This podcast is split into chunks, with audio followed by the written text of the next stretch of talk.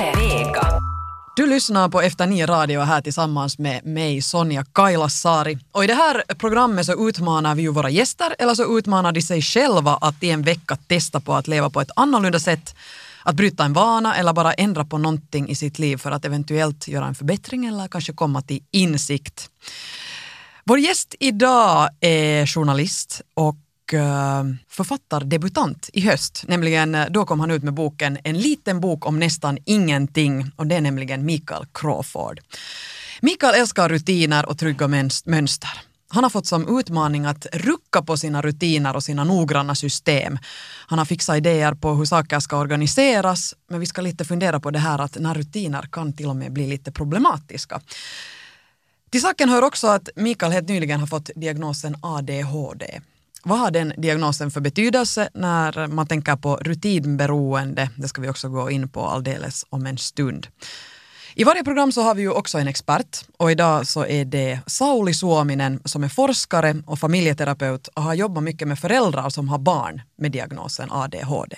Men alltså i det här programmet så får vi uh, lyssna och höra på olika ljudklipp, dagboksklipp över hur veckan har gått och snart ska jag få träffa Mikael Crawford här i studion men före det en liten presentation av honom, ett hopklipp av eh, Crawford under åren i etern. Första 20 åren, 15 åren spelade jag fotboll. Sen, och läste böcker. Sen så läste jag bara böcker. Så började jag röka cigaretter. Så blev jag popstjärna. God afton. Israel har vädjat till Syrien och bett länderna sluta fred. Jag har väntat så länge på just den här dagen och det är skönt att den äntligen kommer. Det som nu är sådär mänskligt sett ju intressantare är den här Lewinsky-skandalen. Tänk att du var där då när det hände. Jag var inte där då när det hände, jag Att lokaljournalistik så är man så otroligt mycket närmare människor, deras vardag. Hjärtligt välkommen Mikael Crawford. Tack ska du ha. Det är alltid en glädje att få träffa dig. Superkul att ha dig här och tala om rutiner. Någonting som är väldigt obekant för mig eftersom jag inte kan tåla rutiner. Då Men- kan jag förmodligen inte tåla dig. Nå, det kan hända. Vi ska se hur det ska gå den här kommande halvtimmen. Men du har tagit som utmaning alltså att rucka på dina rutiner och försöka frångå dina de här vardagliga mönster. Ja, det var egentligen den här idén till det. Jag höll ju på att stötte och blötte saker jag kunde göra. Men jag har nu i den här rollen ganska få laster kvar, så det fanns egentligen inte något jag kunde vara utan en, en vecka eller så här. Och så var det min redaktion Yle Östnyland föreslog att men hej, du är ju en utpräglad rutinmänniska. Att hur skulle det vara om du alla dagar en vecka gör någonting på ett annat vis än vanligt? Och det tyckte de då att skulle vara en intressant utmaning och det var ju en bra idé. Att så började jag försöka med det. Skulle du vilja beskriva för mig och för våra lyssnare lite en hurdan rutinmänniska du är? Hur, hur präglad är du av dessa system? Nå, det, är ju, det kan ju vara helt små saker för det första. Det kan vara lite större saker också men det, är, det varierar.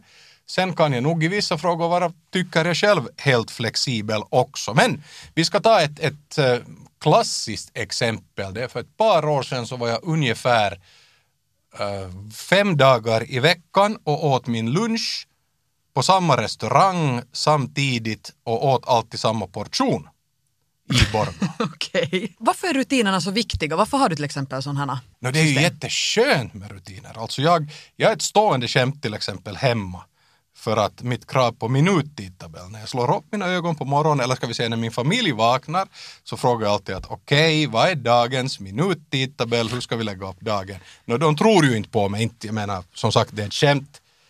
Jag undrar nu hur stor armé jag skulle behöva för att få min hustru att lyda, något sånt.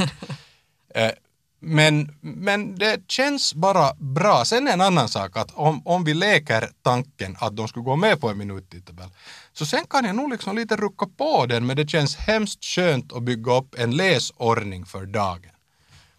Eh, alltså, det här att man har rutiner inte, det är något dåligt för rutinerna kan vara bra. Och livet blir sämre utan dem. Sen är det lite tragiskt om man börjar pådyvla sina egna rutiner på andra människor. Det vill säga om jag skulle tvinga min familj att ha en minuttidtabell och följa den. Eller om jag skulle tvinga någonting på någon. Så, så här, jag tycker att, att mina rutiner är bra. Det är klart, det, jag rekommenderar Sonja. Ja, kanske jag också måste utmana mig själv Ja. att bli mer, mera rutinerad. Sen har jag alltså en sån rutin. Den här ruckar jag inte på, men, men jag, jag, jag håller på att skriva på en, en ny roman nu som jag hoppas manuset ska vara klart här faktiskt rätt snart i bästa fall. Och den, den skriver jag alltid på det viset att under veckan går jag och funderar. Sen på lördag morgon när jag igen vaknar klockan sex så kokar jag kaffe och så sätter jag mig framför min dator och skriver fem ark. Och den här morgonen är då en egen tid, det finns ingen som kräver något av mig, ingen minuttidtabell att göra upp för familjen och ingenting. Och det fungerar hur bra som helst. Just det. Vi ska tala lite om det här hur, hur rutiner påverkar just familjen och så vidare lite senare i programmet. Men, men du har ju alltså fört dagbok här under, Jo. under veckan. Och eh, du nämnde här att det var din redaktion som, som hade föreslagit lite det här, Ja. den här utmaningen. Eh, vårt första klipp idag är faktiskt ett samtal med din goda vän och tidigare arbetskollega Saliven Gustafsson som också går lite närmare in på, på dig och en hurdan rutinmänniska Det här du låter är. mycket, mycket hotfullt. Får se om ni är vänner efter det här.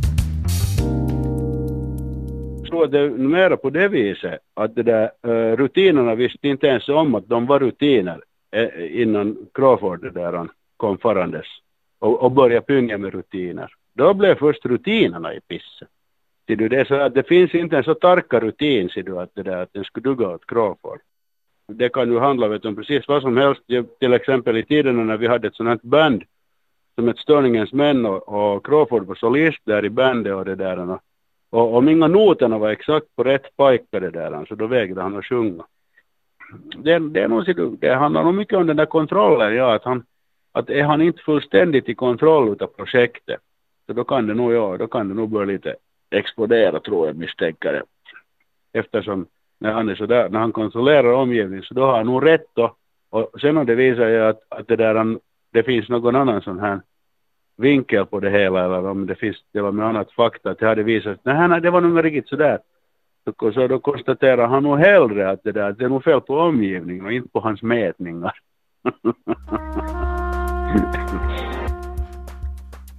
Jag älskar det här avslutande skrattet av saliven. Ja, hur, hur reagerar du på det här? Nå, det där är nu han pratar. Nu går jag delvis. Alltså, eh, jo, det stämmer att när jag jobbar tillsammans med saliven så vill jag ha kontroll, för annars blir det inte något. Om jag skulle få tillbaka all den tid jag i mitt liv har slösat på att vänta på saliven när han dräller och lorvar, så aj vad jag skulle ha tid då. Det goda med de här rutinerna är till exempel att jag mycket sällan, oändligt sällan kommer för sent någonstans.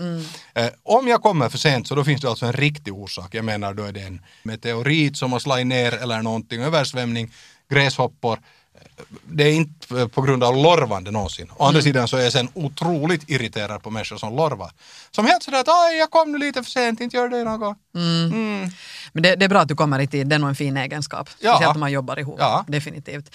Men eh, skulle du uppleva dig som kontrollfreak?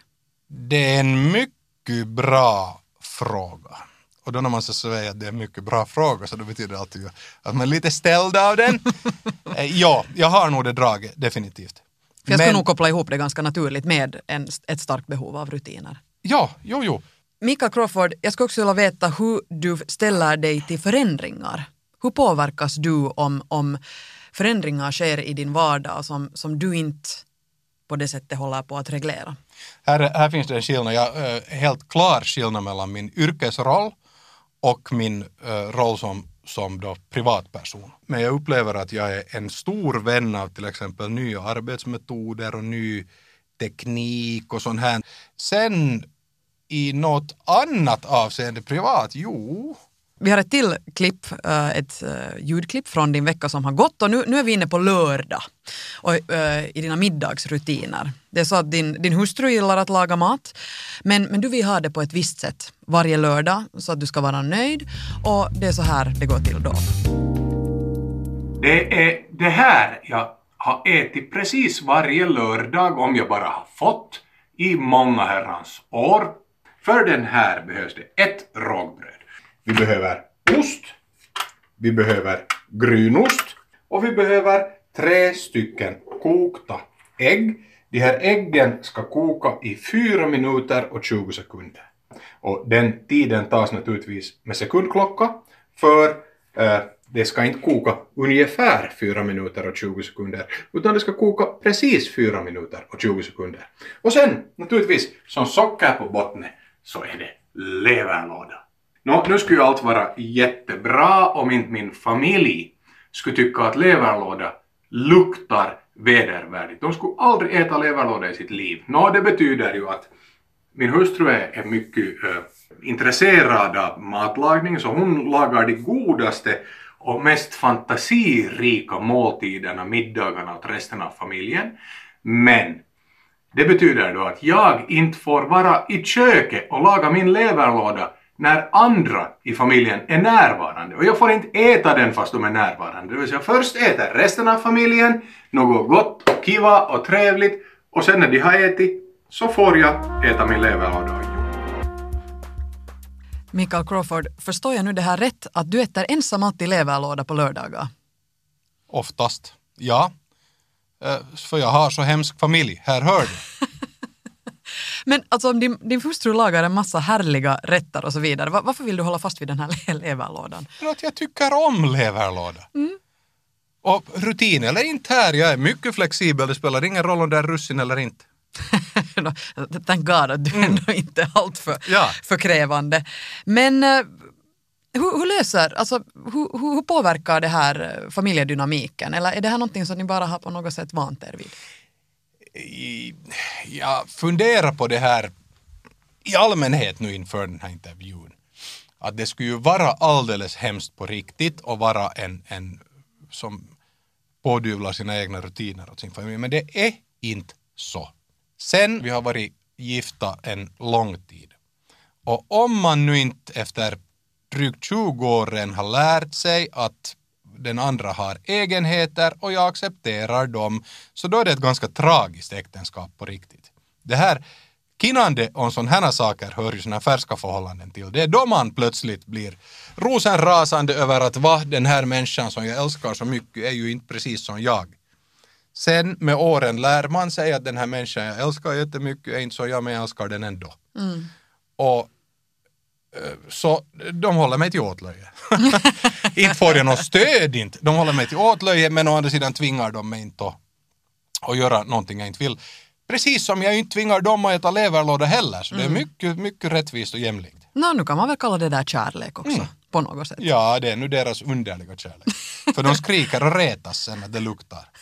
Vad luktar leverlåda något? Den doftar ju ljuvligt. Alltså det där är nog fantastiskt. Men, men eh, nu ska man ju få vara sig själv. Hur, hur reagerade din hustru då i, i, början? Då, när det var vågar, färskt... jag vågar inte, inte vågar jag vara sån här. Okej, hur länge tog det innan du vågade ta fram leverlådan? Jag minns inte. Nå, vi har fått en ganska bra bild tror jag här under, under den här eh, början av, av programmet över hurdan du är när det kommer till, till rutiner.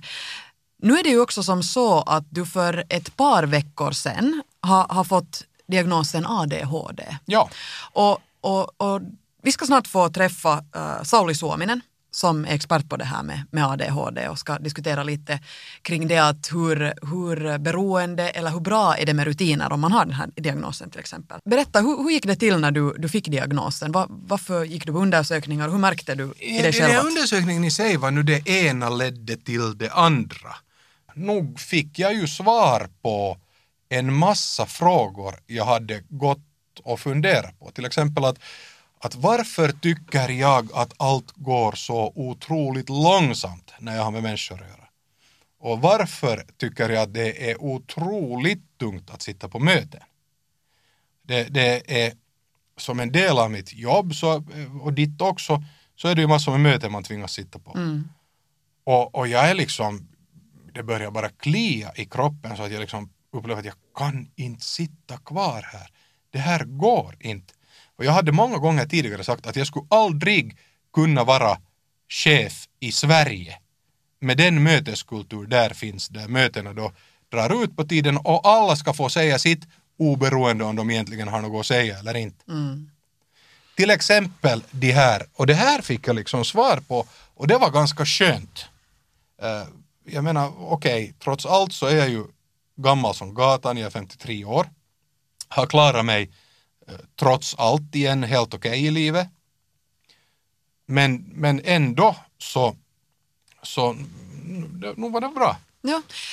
Vi ska, vi ska fortsätta diskutera det här med, med rutiner och ADHD, om, om de också på något sätt är, är, kopplade. Men jag tycker vi ska göra det tillsammans med, med vår expert idag, nämligen Sauli Suominen, som är ADHD-expert eh, och familjeterapeut, har jobbat mycket med föräldrar vars barn har fått diagnosen ADHD och lite försöka öppna mera den här världen för oss. Ni lyssnar på Efter nio radio här på Yle Vega och i det här programmet så utmanar vi ju alltså våra gäster att bryta en vana eller förändra någonting i sitt liv under en veckas tid för att kanske komma till en förändring eller en insikt. Och här i studion sitter alltså Mikael Crawford som har ruckat på rutiner. Han älskar eh, mönster och eh, vardagliga, tydliga sätt att göra saker. Men nu ska vi be in Sauli Suominen. Hjärtligt välkommen Sauli Suominen till Efter nio radio. Ja, tack, tack. Du är familjeterapeut, forskare och jobbar på ADHD-förbundet. Vi kom ja. just in här med Mika Crawford lite på, på att han fått diagnosen ADHD här i plus 50 års åldern. Och nu när vi då har haft uh, rutiner som tema under den här diskussionen så före vi går in på kopplingen mellan de här två så hur reagerar du här på vår diskussion med, med Mikael här innan? Mm, no, kanske jag har jobbat mestadels med mycket svårare, kanske ska vi säga, eh, former av ADHD där det, man hotas att, att segregeras från samhället och bli utanför arbetslivet och familj och så vidare. Men jag tycker att med Mikael har det ju gått bra i livet och det är ju en fin sak. Nå, no, någorlunda. Nej, men jag upplever det också så att eh, alltså innan jag visste någonting om ADHD, så det finns ju en klar stigma där. Bilden man har av någon som äh, lider av ADHD är ju att det är en marginaliserad människa som inte klarar sig i samhället med, med eh, problem av de mest olika slag. Alltså typ en arbetslös jappe som sitter och hamrar på sin plejkare och, och är helt ute från samhället. Det är ungefär den här, eller fängelsekund. Mm. Och, och, det har jag ju liksom nu då kommit åt att, att upptäcka att så är det inte, för jag är nu inte ännu åtminstone fängelsekund själv. Nej, jag tror att ADHD handlar om, om mycket, mycket mer. Jo. Alltså i, i min egen forskning har jag kommit till det att ADHD ligger mycket nära kreativitet till sin bakgrund. Så att det finns liksom fall där, där det kan gå illa men där det kan gå väldigt bra om man lär sig behärska sin ADHD och använda den till godo. Alltså då är det frågan om en skapande förmåga som människor har.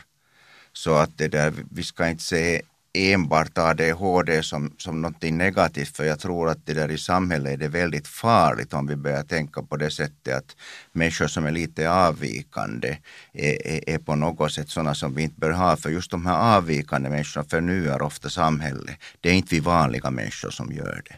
Jag är helt övertygad om att jag skulle inte ha haft den karriär jag har haft utan ADHD. Nu med facit på hand att när, när jag fick den här diagnosen. Jag skulle inte ha skrivit den här, den här boken.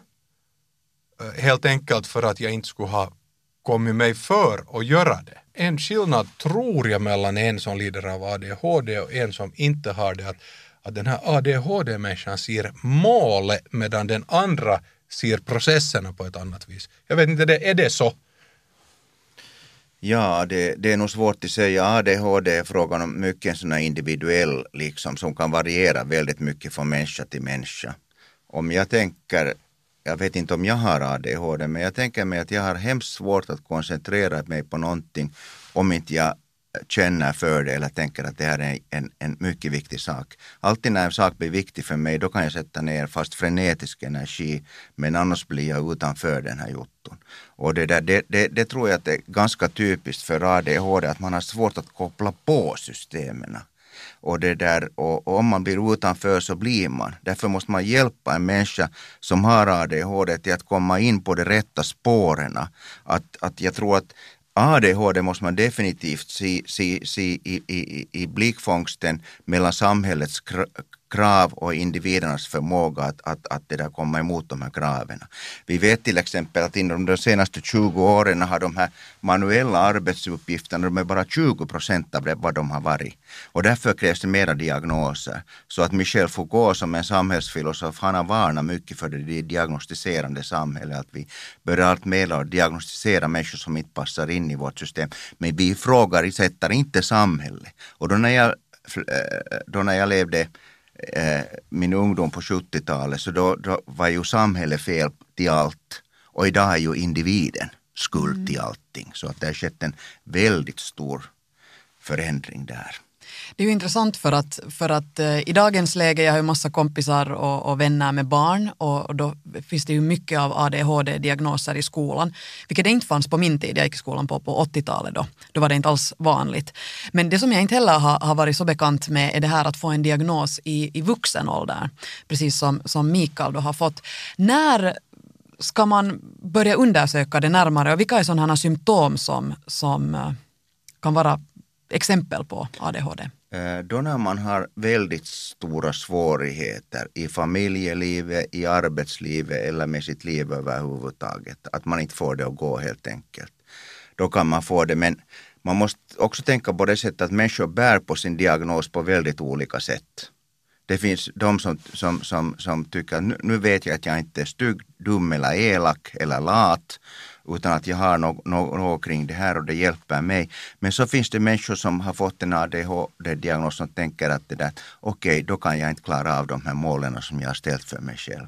Så vi ska inte se liksom diagnostisering som något entydigt positivt. Det är helt frågan om hur man bär sin diagnos. Och därför borde vi mera fundera på det, på hur människorna bär sin diagnos och inte på diagnosen i och för sig. Och med, med, diagnosen ska vi nog veta det också att det, där, det är inte frågan om något laboratorietest eller något test som vi gör. Man, man, man gör en, en, en, det där, en iakttagare av människans beteende och då slår man fast en diagnos. Så att några entydiga test på ADHD finns det inte. Nej, just det. Men det handlar att, eh, att efter att man har fått en diagnos kunna anpassa det i sitt liv och lära sig att behärska vissa saker för att få det lättare så att säga. Nå, Eftersom vi har varit inne här på rutiner tidigare, så vilken betydelse har rutiner när det kommer till då ADHD? Kan man generalisera? No, alltså jag tycker att om man lär sig eh, och har en sån bra rutin som inte stör ens liv och som får det att gå vidare så är det en otrolig förmåga. Ofta kan det ju vara att man, som när man talar om sådana ADHD-coacher och annat så kan det vara liksom det som man som har syftat till att man skapar sådana, äh, sådana livsbejakande äh, äh, rutiner som håller igång livet helt enkelt. Ja, jag upplever också det som en slags kompensation. Nu när jag funderar på de, de här mm. sakerna. Det, det, är ett sätt att organisera alltså ens liv när ja, det går lite hårt i hjärnan och här är det mycket nu det här uttrycket går hårt i hjärnan, det ska man inte tolka fel. Men, men det ger en viss stabilitet åt mig i mitt liv och sen då som jag redan sa, jag kan vika ifrån dem. Det är bara tanken på att de finns som är det sköna. Mm. Är det vanligt att, att folk som har den här diagnosen har ett behov för liknande rutiner? No alltså, jag skulle kanske mera tala om flera neuropsykiatriska handikapp överhuvudtaget. Så det där. Och om jag tänker på mig själv så, så det där, mina morgonrutiner är ju det att det måste gå precis enligt ett schema, annars får jag inte att gå ihop. Så säkert mitt intresse för ADHD beror på det att jag sitter mig själv och sån här drag som tyder åt det hållet. Det är nog utan vidare klart. Okej, okay, nu måste du lite öppna dina morgonrutiner. Hur, hur noggranna är de? No, alltså, alltså, jag stiger upp och nu när vi är på lotten så ska jag sätta eld i kaminen.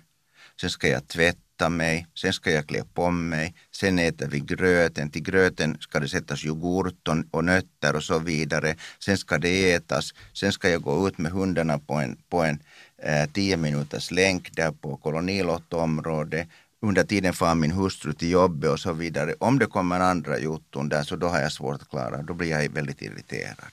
Just det, så, så du har svårt med förändringar så att säga i i det här systemet? Ja, så, så fram till jag inte kan styra dem. Så att det där som, som Mikael talade om, de här kontrollerna, det känner jag bra igen. Att man vill gärna kontrollera hela tiden allting som är på gång. Mm. Men, men gärna så att det ska gå på ens egna villkor. Precis. Nå, Om man känner igen sig lite i, i det här, så, så hur ska man gå vidare? Hur, hur lönar det sig att försöka bygga upp ett, ett system i vardagen som, som kunde hjälpa? Alltså det är frågan om om det är ett problem eller inte. Inte tycker jag att man ska göra någonting om det inte är något problem. Absolut. Alltså, alltså det, det, det, är ju, det är ju det som, som jag tycker att, att som vi liksom vi har ju tagit ganska mycket liksom sådana begrepp från biomedicinen och det innebär ju att det finns vissa symptom, de beror på en viss sak och vi bör göra en viss åtgärd till det. Och det är inte frågan om här eh, om någonting sånt. Inte heller när det är fråga om smärtpatienter och så vidare. Annat. Utan det är frågan om att vi måste ha individuellt fundera på vad som är bäst för dig just. Och sen börja jobba e-, enligt det och inte enligt något allmänna program och så vidare. De går att använda för, för, det där, för cancervård. Där finns det liksom rekommenderad vård och det finns epilepsi och andra sådana här eller, eller diabetes men, men inte i, i frågan om, nåja vi kan nog fråga i de andra också liksom, liksom lite lite ifrågasätta det men i, i fråga om ADHD eller neuropsykiatri så måste vi helt anpassade enligt den här människans egna förmåga så att vi får reda på vad det är med den här människans resurser och, och vad är den bäst i och försöka förstärka på det. Inte hacka på de här funktionsnedsättningarna man har utan försöka förstärka det som, det som är gott och det som fungerar mm. och jobba vidare på det. Det är det som det går ut på. Precis. Det, det, mm. Inte försöka liksom sätta någon under någon annat paradigm utan låta den människan förstärka och, och, fundera tillsammans med den här människan. För det är ju problemet är det, det, det med ADHD egentligen, det är det att vi, vi, vi saknar en sån här en sån här verksamhetsstyr, funktionsstyrning i oss. Vi saknar inte funktionerna, men vi, vi, vi saknar den här människan, den här ledaren inom oss själv som ska sätta in funktionerna på rätt plats och, och, och, och det där så att det, så att det löper vidare på ett, på ett bra sätt så att man inte liksom blir fast i vissa liksom nischer som man ofta gör i, inom om man har neuropsykiatriska handikapp. Ja, jag tror inte att om någon nu blir diagnostiserad med ADHD att den ska börja äta leverlåda. Nödvändigtvis. Utan att det är ju just uttryckligen eh, individuellt. Mm. Och, och jag har alltså nu, det är nog intressant så tillvida att nu sen jag har börjat lite eh, till och med prata om min ADHD så är det flera människor, vuxna då, i min ålder, lite yngre, som har kommit till mig eller sagt att ja, att förresten jag vänt, håller också på, jag har också, eller jag väntar också på min diagnos. Eh, det kan ju hända att det i min journalist och sån här semiskapande bubbla där jag lever att det är vanligare. Men överlag tror jag absolut att det är vanligare än man har trott. Mm. Precis som jag aldrig kunde föreställa mig. Jag tänkte bara att varför har det så besvärligt på till exempel just möten eller när något drar, när jag inte kan kontrollera tidsanvändningen. Det vill säga det är just det med ett möte om man sitter fast där och man kan inte kontrollera själv hur snabbt det går, hur effektivt det är. Mm. Och det finns massor med olika, naturligtvis sen, symptom. Sen är det, folk säger att det är en slags superkraft också, att är du någorlunda smart eller är du kreativ så kan man se ADHD definitivt som en en, en superkraft. Mm, det börjar jag tänka på att det är absolut säkert en, en resurs som man bara måste kunna tygla och använda jo, på rätt sätt. Jo, men det är frågan om, om du klarar av det. Okay. Och det klarar inte folk så lätt Talar vi om, om, om en sån där en procent av människorna så då är det så svår ADHD att man kan inte ens sitta på stället. Och då är det nog ett, ett väldigt svårt handikapp. Men om vi talar om det här som, som jag nu lite talar om, som Mikael talar om, då talar, talar vi om 30 till 40 procent av människorna. Okay. Alltså det är en väldigt stor grupp då i så fall. Så 30 till 40 procent kan ungefär kännas igen med det vad ni har beskrivit här tidigare och så finns det en procent som har så, så stora problem att man inte just kan sätta sig. Man, vi kan säga att det är kategoriskt en annan kategori helt enkelt, det kan man säga. Alla, jag tror att alla känner, alla människor känner till om man har varit, om man inte har sovit på en lång tid eller sådär så då, då, då har man eh, väldigt tydliga symptom av typ ADHD. Mm. Det är mm. alldeles klar sak att man känner igen dem. Men att det där, men om vi talar kategoriskt om en annan, annan kategori så då är det frågan om en liten grupp människor. Finns det officiellt en viss mängd kategorier inom ADHD? Nej, det finns inte. Alltså det beror helt på liksom hur starka eh, kriterier du ställer. Mm. Har du väldigt, väldigt liksom starka kriterier så är det 1 till 3 till och med 5-6 procent. Men har du lätta så 16 procent. Och, och det där det brukar ju ofta sammankopplas det också med medicinering och ADHD. Att det finns, hörde just i, i Sverige, i vissa kommuner kan 16 procent av, av eleverna vara medicinerade med Ritalin och det här amfetaminderivat och jag tycker att det, det, då, då är det frågan om, då använder man medicin rent som social kontroll. Och på vissa slumområden i USA så är det 30 procent av, av de där barnen som använder i, i det där i skolan. Ritalin och då är det frågan om det där att man, man använder det rent som en form av social kontroll. Usch, det här låter ju en otroligt oroväckande. Jo, det, det, man måste ju komma ihåg att det finns miljardintressen bakom läkemedelsindustrin har ju bakom att sälja, sälja mediciner. Och då ska vi inte säga, nu, nu ska vi inte tala allmänt då, dåligt om mediciner. Jag har sett sådana människor som, som, som till exempel en flicka som fick medicinering så, så, där hon sa att det är första gången som jag kan sitta nu på det sättet och, och tänka vem jag är och känna någon form av lycka. Så förut har jag inte kunnat. Jag har varit så hyperkinetisk inom mig. Jag har bara sprungit mm. från ett ställe till ett annat. Mm. Men att det där, det ska vi vara medvetna om att det finns en väldigt, väldigt, väldigt stor industri och marknad. Precis som kring depression och andra sådana här fenomen. Precis. Och det är, det är den där baksidan av det. Och det, det, på något sätt försöker man nu för tiden när vi har allt mer att ta över från den biomedicinen så försöker man alltid se på den där ljusa sidan av det hela. Att det har så fina inverkan men man, man ser aldrig de stora farorna. Där tycker jag sociologen har rätt att vara oroad över den utvecklingen som är på gång. Men såklart är det ju säkert många som eh, påverkas av det här. Om du bor tillsammans med någon eller har familj på arbete till exempel eller med, eller med vänner och så vidare.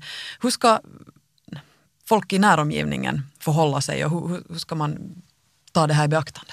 Alltså i mitt arbete har jag frångått det att fokusera på individen. Jag tror att det, det är liksom en av de största liksom, eh, eh, den här biomedi, in, inflytande från biomedicinen har gjort det att vi har liksom ställt helt vår fokus på patienten. Men det där, i de här fallen borde vi ha det där fokus på miljön. Stöda i skolan, stöda i familjen, stöda i jobbet, hjälpa äh, hitta jobb och så vidare. Alltså det, det, det är mycket frågan om att jobba med de här människorna. Och det, där, det tror jag också när, vi har, när jag jobbar på sådana anpassningsstödskurser så har jag sett alltså att, att när familjer träffar andra familjer och ser att de har liknande svårigheter som de, så det att man kommer ifrån sin e-, ensamhet hjälper ofta att, att ha en mi, mycket mindre fokus på de här problemen och allt mer sidor det som, en, som ett allmänt fenomen som berör flera människor. Det, det gör det att man har mycket lättare tillvara Mm. Och då, då, då, känner man inte man så i blåsten. För ofta blir det på, på det sättet med, med, med, barn som har med ADHD att föräldrarna blir, blir på sätt och vis kaotiska. De försöker söka hjälp och stöd från olika ställen. De får, får olika förklaringar vad de ska göra. Och den här la, la, barnets inre kaos blir ett yttre kaos som föräldrarna ger tillbaka på det sättet när de alltid beter sig på olika sätt beroende på vilka råd de har fått av de här professionella. Så att det där att det blir hemskt ofta på det sättet att om vi inte noga fokuserar på vad vi gör så kan det vara att kaos upprätthålls av det yttre kaos. Mm. Istället för att ge strukturer och rutiner till barnen så, det där så, så har man olika eh, försöker man sig på olika sätt att hjälpa och då betyder det att det, det är igen kaotiskt som man beter sig. Då blir det ju det att kaos upprätthåller kaos. Ja. Sen tycker jag ju en orsak att jag är här och pratar om det här i mitt eget fall är att, nu pratar då på vuxennivå, just nu finns det ett oändligt antal människor, unga och vuxna, som kanske studerar eller, eller i arbetslivet. Varför, varför barkar allt åt helvete? Vad är det för fel på mig? Är jag lat eller är jag, vad är jag? Och sen, det kan hända att orsaken är ADHD. Mm. Det vill säga jag tycker att det ska pratas om det här. Det ska pratas också om de här lindrigare diagnoserna för de kan också påverka eh, ens liv. Som sagt, i mitt fall upplever jag att det har gått helt okej. Okay. Å andra sidan finns det saker i mitt liv som skulle ha varit enklare om jag skulle veta om det. Om, om ADHD för kreativa människor kan ses som en superkraft så finns det den här kryptoniten också. Det vill säga uh, oförmåga eller lidandet, det tunga i att sitta på ett möte eller och så vidare och så mm. Ja, det är bara det som jag vill säga att det där att, att diagnosen i och för sig är inte någon, någon, något hjälpmedel utan det beror på hur man förstår den. Därför måste vi mycket mer jobba med det att hur den människan förstår sin diagnos.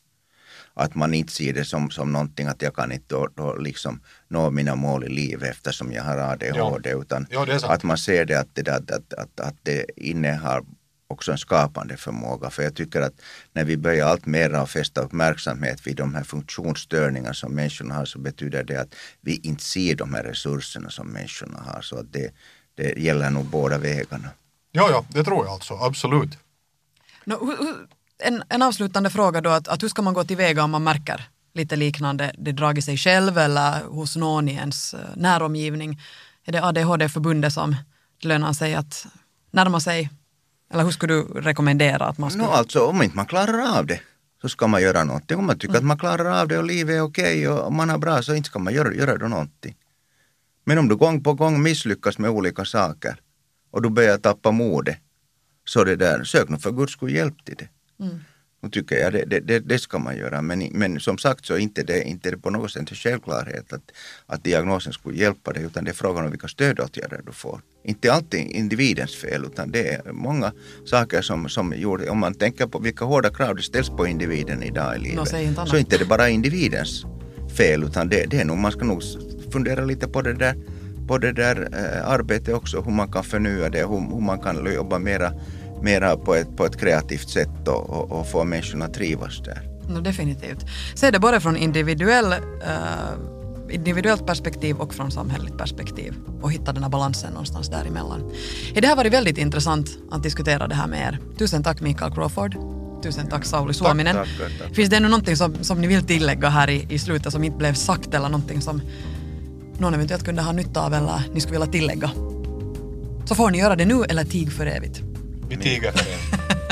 Ja, inte för evigt, bara för den här gången. Bara för den här gången. Tusen tack. Ni har lyssnat alltså på Efter nio här i Yle Vega tillsammans med mig Sonja Kailasari. Tack så mycket för det här och vi är tillbaka om en vecka med nya utmaningar och nya gäster.